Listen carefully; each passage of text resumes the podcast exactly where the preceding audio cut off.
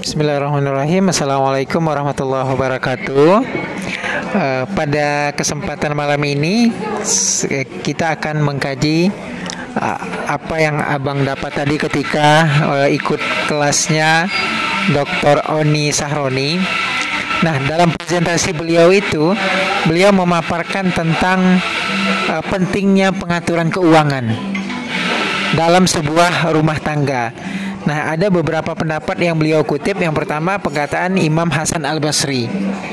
Nah, apa kata Imam Hasan Al-Basri? Kita baca uh, terjemahannya saja ya. Semoga Allah Subhanahu wa taala memberikan rahmat atau merahmati orang yang bekerja untuk mencari harta yang halal. Jadi uh, beliau mendoakanlah agar orang-orang yang bekerja mencari yang halal, yang toyib itu dirahmati Allah Subhanahu wa taala. Kemudian ia membelanjakan hartanya kata ya, ya, Hasan Basri tadi semoga Allah merahmati orang yang membelanjakan hartanya secukupnya. Maksudnya sesuai dengan kebutuhan kebutuhannya, sesuai dengan keperluannya.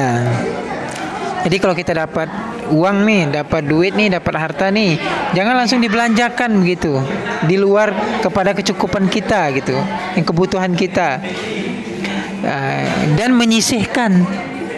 Jadi dapat harta dibelanjakan secukupnya, kelebihannya itu kita sisihkan. Tentu ini tentu dalam konteks juga sudah bersedekah, berzakat. Kita sisihkan kelebihannya untuk apa? Untuk hari miskinnya. Maksudnya ada hari di mana kita itu tidak memiliki uh, pendapatan. Ada di mana nanti misalkan kita uh, sakit, kemudian ada apa lagi kira-kira kita lemah, kita di usia tua, kita tidak bisa lagi produktif sebagaimana kita muda sekarang bekerja. Nah, maka uang-uang e, harta-harta yang tadi yang kita sisihkan itu bisa mengcover untuk keperluan kita di situasi seperti ini. Nah, kemudian ada perkataan Muawiyah juga. Kata Muawiyah yang artinya mengelola keuangan dengan baik itu setengah dari berusaha. Jadi ketika kita mengelola uang dengan benar dengan manajemen money yang bagus, itu juga bagian dari usaha.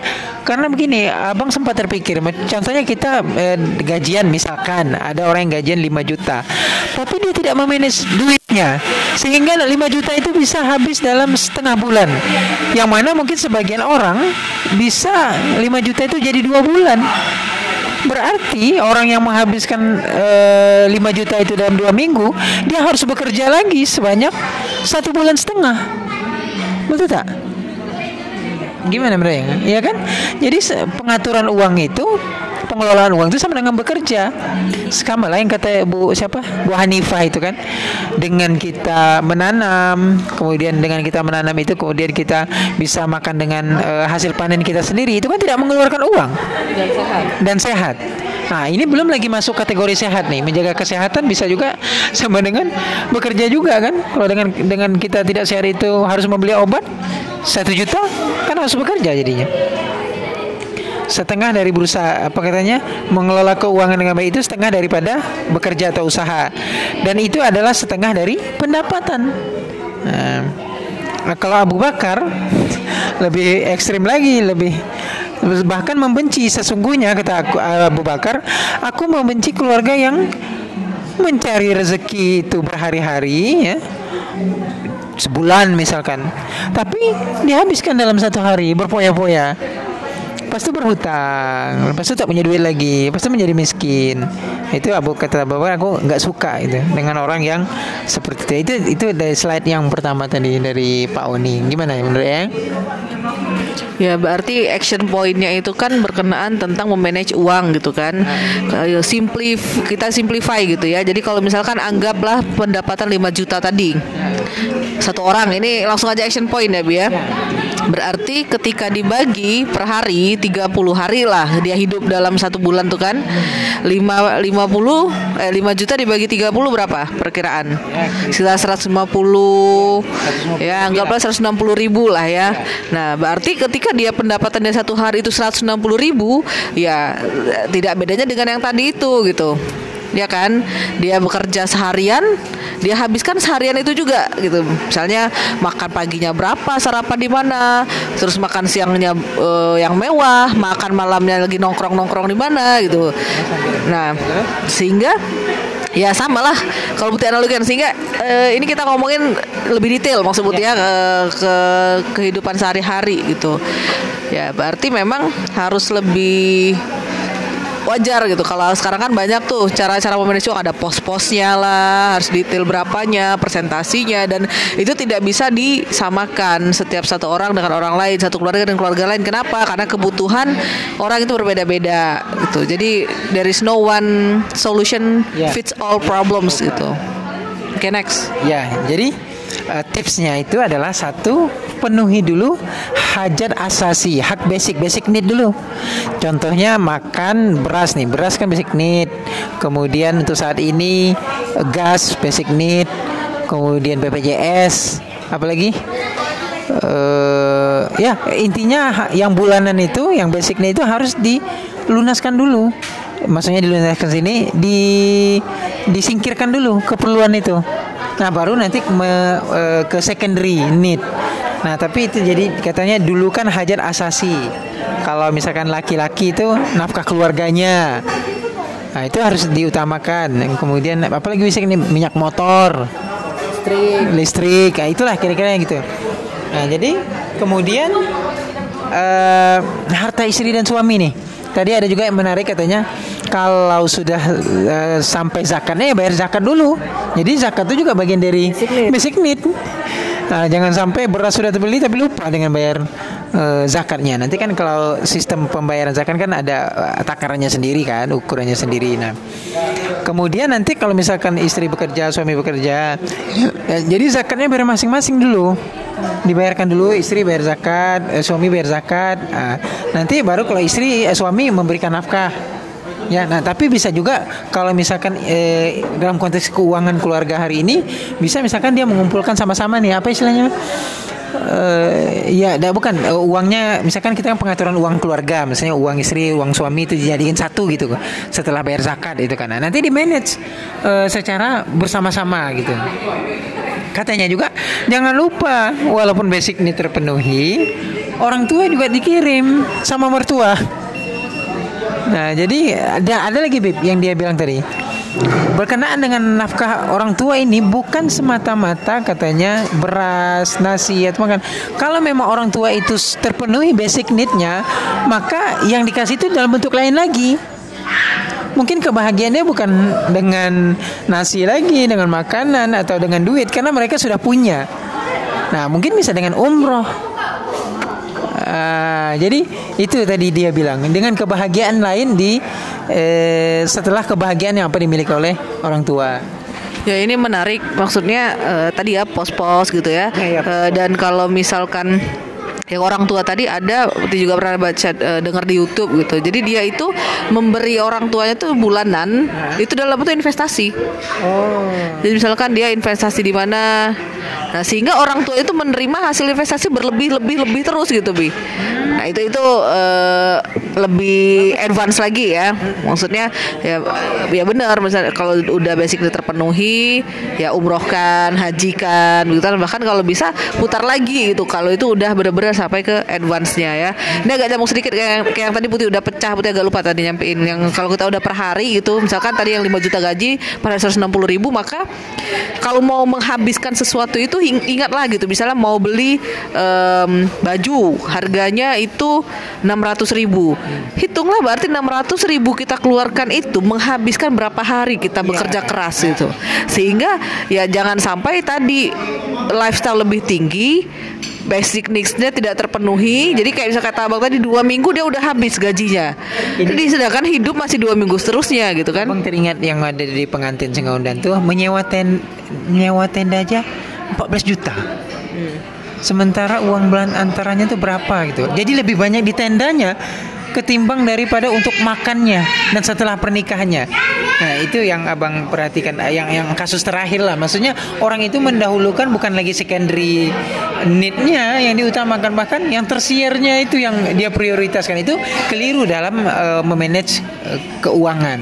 Ya berarti harus tahu prioritas ya. Ah, ya betul betul betul. Jadi prioritasnya prioritas. uh, kalau misalkan kita tuh definisikan nih yang uh, memang wajib itu apa. Terus oke okay, ini kebutuhan, seterusnya keinginan, seterusnya oke okay, lifestyle kalau memang ada hiburan hiburan tuh yang memang dalam bentuk memang harus mengeluarkan mahal misalnya ya.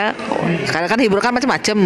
Saat jogging, jalan pagi itu pun hiburan juga sebetulnya kan nggak nggak mesti harus pakai duit juga kan. Ah ya ini berkenaan dengan dana darurat ataupun menabung ya. Jadi menabung itu rumusnya pendapatan halal dikurangi pengeluaran standar. Jadi menabung itu jangan setelah uh, basic need sudah dibeli, kemudian ada lagi keinginan lain yang di luar standar. Barulah menabung. Setelah itu baru nak menabung. Tak bisa gitu. Maksudnya uh, ada harta yang kita miliki lalu kemudian kita keluar yang standar sisanya itu kita kita tabung. Uh, Ya, jadi maksudnya di sini memang ada jelas ya dari awal pengeluaran itu seperti apa. Maksudnya itu kan kembali ke pos-pos tadi kan. Udah tahu basicnya berapa, oke lah kalau mau uh, have fun itu berapa, bahkan education itu berapa. Uh, seterusnya baru yang tadi tabungan. Nah, pertanyaannya kan kalau kata Abang kan yang paling tersul paling sulit dalam memanage keuangan itu adalah tidak ada uangnya gitu.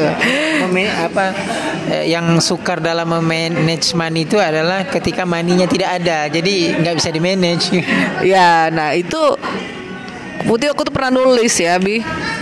Uh, tiga aja kalau nggak salah tiga putih aku tuh coba putih ingat-ingat lagi ya cara financial freedom satu itu uh, punya unli eh sorry dua dua dua aja. Satu punya unlimited income, unlimited ya. Maksudnya? Uh, punya uang tuh yang banyak gitu, pemasukannya tuh banyak. Atau yang kedua uh, punya limited wants gitu. Jadi uh, kurangi punya ya intinya pendapatan yang tinggi atau kurangi keinginan gitu. Ya kan? Jadi kalau kita harus mindful ya atau harus sadar begitu harus sadar bahwasannya kalau misalnya uh, ternyata kita itu uh, pendapatannya berapa ya harus sadar dalam mengeluarkan ya, sehingga tidak sangat, sangat, tidak ada lagi uh, kata-kata kurang gitu. Ya. Tuh. Terus? Terus? Ya, itu, itu itu itulah salah satu tipsnya. Ya kalau enggak ya udah kerja keras. Ya kan? Ya. Kerja keras untuk menambah pendapatan tambahan. Ya makanya kalau untuk apa namanya uh, supaya pendap kalau kita mau sesuatu yang lebih di luar standar maka ya harus bekerja lebih lagi itu jadi teorinya kan berarti sebenarnya begini bib uh, apa banyak keinginan menyebabkan kita harus banyak bekerja lagi ya. Iya. Jadi lebih baik kita mengurangi keinginan kita, tapi nanti kita uh, jadi lebih enjoy berarti hidup kita. Iya, atau kalau enggak ya nggak apa-apa banyak keinginan. Ya kalau keinginan itu yang baik-baik gitu ya, bukan yang uh, lavishly word gitu yang ya cuman dunia terus nggak apa-apa dunia asalkan yang bisa dibawa ke akhirat gitu ya intinya itu tergantung dari segi keinginan dan ya pendapatan tadi. Ini sadar aja lah gitu. Oke kita nih ada hutang nggak? Misalkan ada hutang ya udah bayar dulu hutang. Yang itu kan termasuk ke pengeluaran yang wajib kan kalau kita misalnya ada hutang. Nah itu yang Tapi, dan tadi tuh dia bilang begini hutang itu adalah alternatif terakhir dalam kehidupan. Iya, nah. maksudnya misalkan orang tuh sudah terhutang gitu kan. Nah, jadi itu harus wajib memang dia uh, menghutangi eh sorry, pengeluaran wajibnya itu salah satunya adalah membayar hutangnya kan.